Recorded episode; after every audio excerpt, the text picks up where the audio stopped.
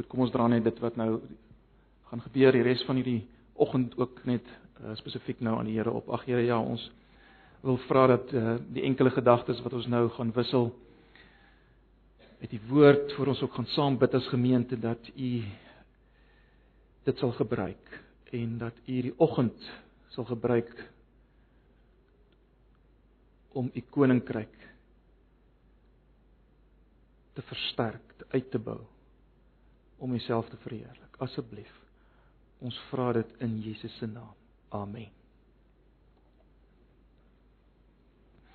Nou, broers en susters, um, ons het nou al vir die, ek dink dis die afgelope 2 of 3 jaar wat ons um, besluit het om 'n gebedssondag te hou, 'n spesifieke sondag waar ons as gemeente gaan saam bid. Ons het 'n um, gedink dit is goed om dit aan die begin van die jaar te doen. Julle sal onthou daar was 'n tyd wat ons 'n week van gebed gehou het.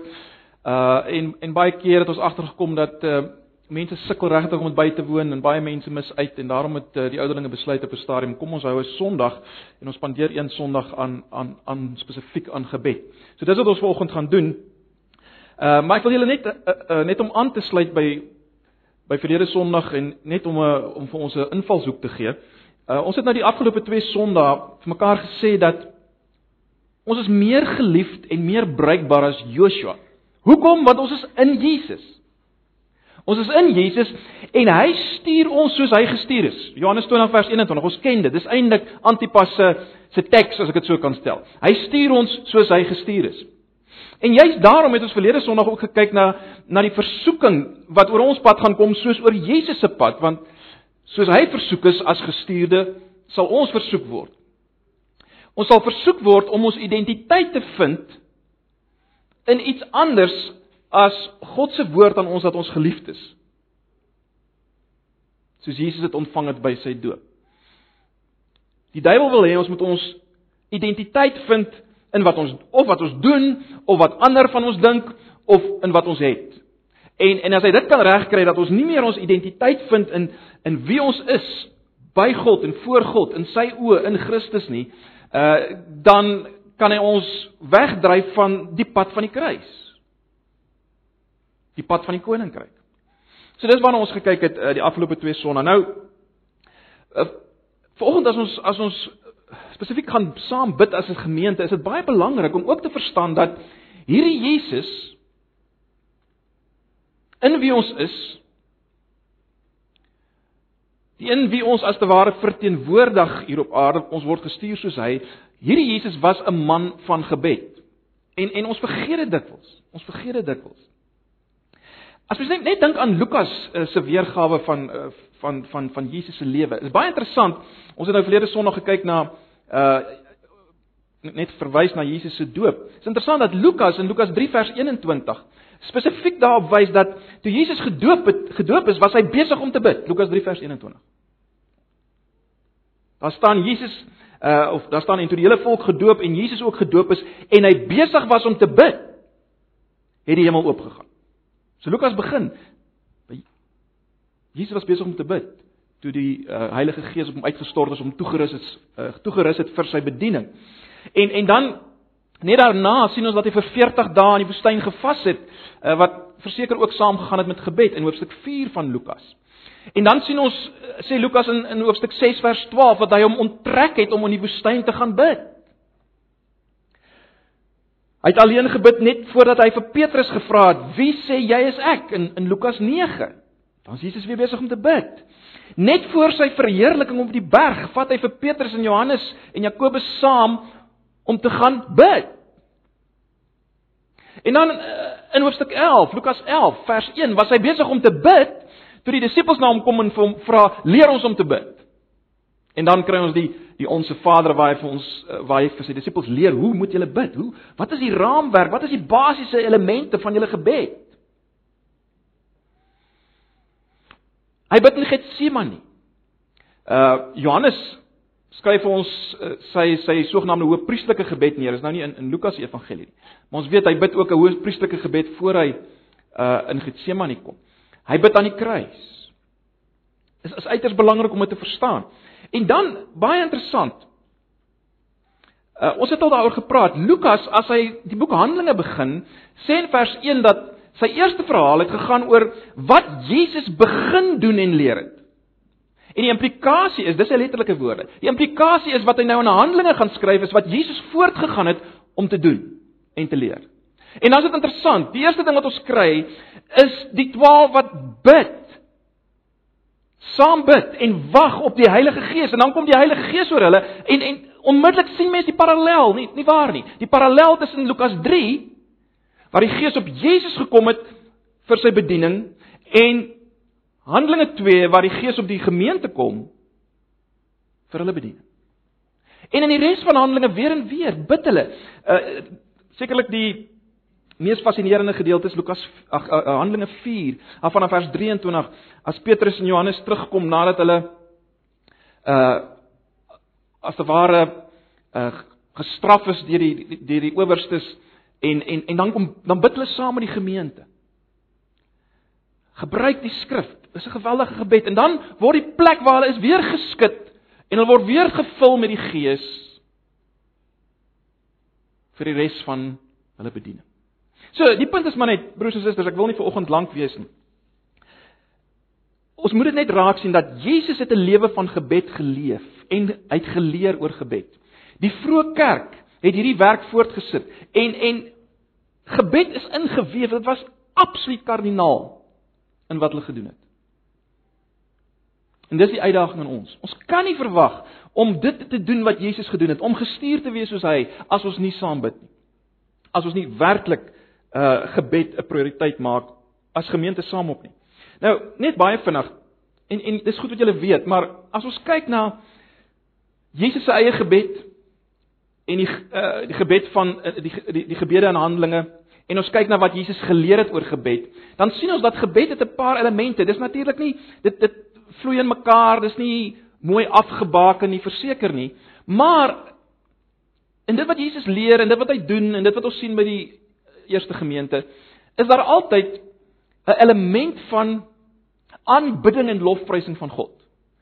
Gebed sonder dit is in 'n sin nie gebed nie. Om God eers groot te maak en om te sê wie hy is. Gaan kyk weer spesifiek ook Handelinge 4 vanaf vers 23. So daar's 'n aanbiddingselement, 'n lofprysing element. En daar's daar's 'n danksegging element. Gebed sonder danksegging is is leeg.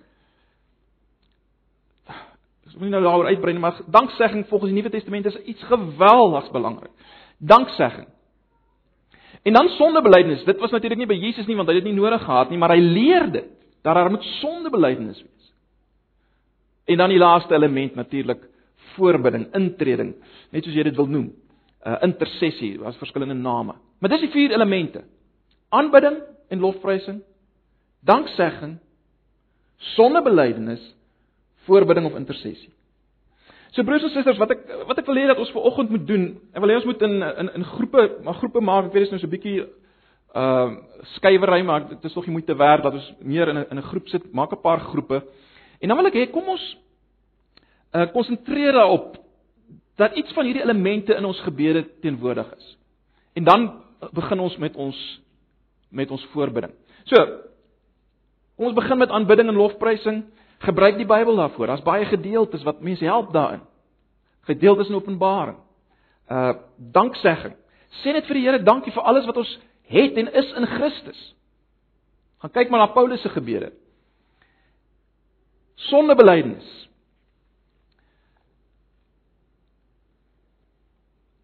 As ons erns maak met met wie die Here is en en wat hy wil hê ons moet wees, dan kan mens nie anders om te sien hoe ver ons hom tekort kom en hom bedroef nie. So dis belangrik dat ons ook dit sal bely, dit is hom sal sal sal gee, sal vergifnis pleit voor ons verder gaan. En dan natuurlik as ons kom by die by die voorbereiding is daar net 'n paar dinge wat ek wil hê ons moet as gemeente op konsentreer uh, vir oggend. Ek dink in die eerste plek is dit belangrik dat ons sal bid vir ons land. Ek dink dit is uiters belangrik. Kom ons bid vir ons land. Uh, ek hoef nie uit te brei daaroor nie. Julle weet wat aangaan. Al die korrupsie en al die dinge. Uh droogte in sekere gebiede. Kom ons bid vir ons land. Kom ons pleit vir vir herlewing. Terugkeer uh van God se kinders in die eerste plek na hom toe. Kom ons bid vir ons land. En en spesifiek nog meer kan ons fokus op Pretoria, want dis waar ons dis waar ons bly. En dan vir ons gemeente. Dan vir ons gemeente.